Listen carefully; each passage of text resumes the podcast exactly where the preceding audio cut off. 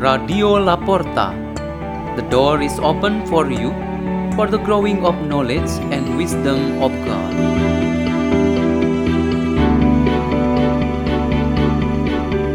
by Peter Tukan SDB, priest of the Salesians of Don Bosco.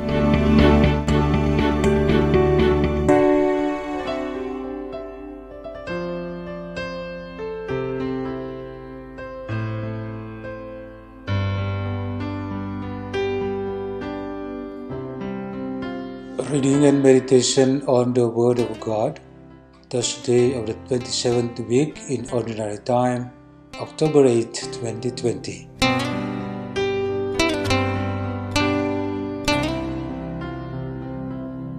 The Gospel of Jesus Christ according to Luke chapter 11 verse 5 to 13.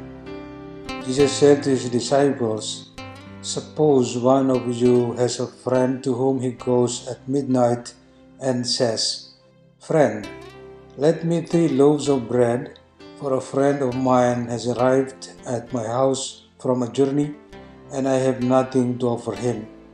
And he says in reply from within, Do not bother me.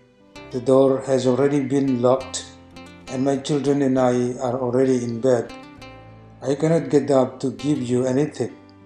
I tell you, if he does not get up to give him the loaves because of their friendship, he will get up to give him whatever he needs because of his persistence. And I tell you, ask and you will receive, seek and you will find, knock and the door will be opened to you. For everyone who asks receives, and the one who seeks finds, and to the one who knocks the door will be opened.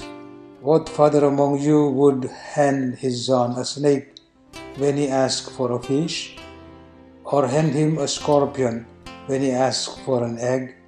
If you then, who are wicked, know how to give good gifts to your children, how much more will be the Father in heaven give the Holy Spirit to those who ask him? The Gospel of the Lord.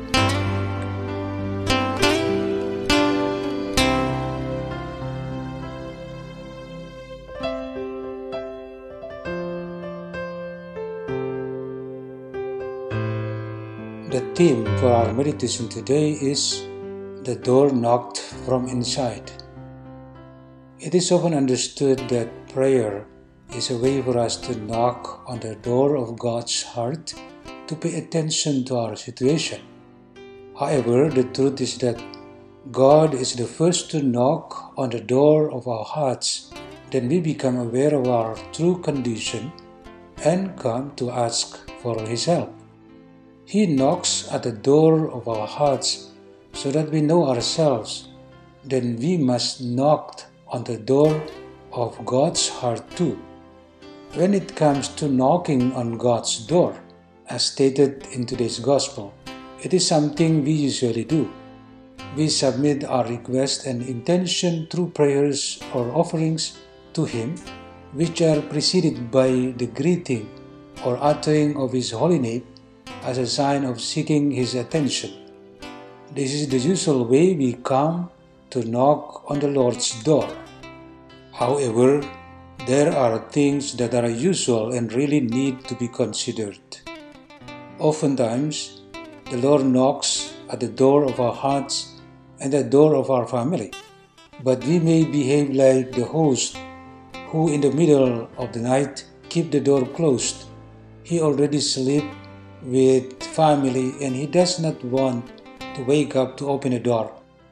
We often show laziness, boredom, unwillingness, fear, and rejection to the importance of opening the door because there is someone knocking. There are still many Catholics who resist the knocking on the door of their hearts and reject invitations to attend the Holy Eucharist on Sundays and holidays.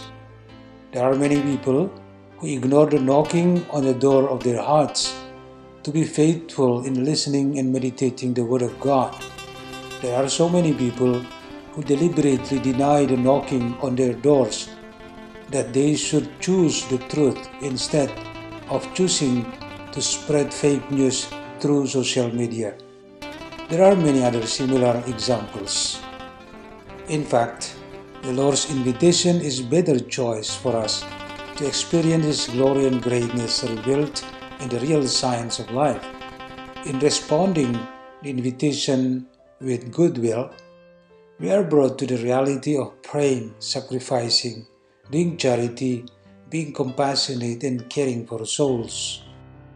It is more appropriate to knock from within the heart. The point is that the cry and the insistence are so strong that awaken those who deliberately shut their doors firmly. It is indeed God who plays the role to knock on our doors from within, but we ourselves also must do the same. Our regular examination of conscience, our regular confession, and our good practice of spiritual guidance are the ways of experiencing how our doors are knocked from inside. Through all of this, we can wake up from our sleeps, which often put us away from the reality that we should be in touch with. To become better followers of Christ, we need to be like Him, who is ever in touch with people and the reality of their lives. Let's pray. In the name of the Father, and of the Son, and of the Holy Spirit, Amen. Our Father in heaven, grant us our gentle hearts, that we may always open to all the goodness and truth pour out through your words that we receive. Hail Mary, full of grace, the Lord is with you. Blessed are you among women, and blessed is the fruit of your womb, Jesus. Holy Mary, Mother of God, pray for us sinners, now and at the hour of our death. Amen. In the name of the Father, and of the Son, and of the Holy Spirit. Amen. Radio La Porta. The door is open for you.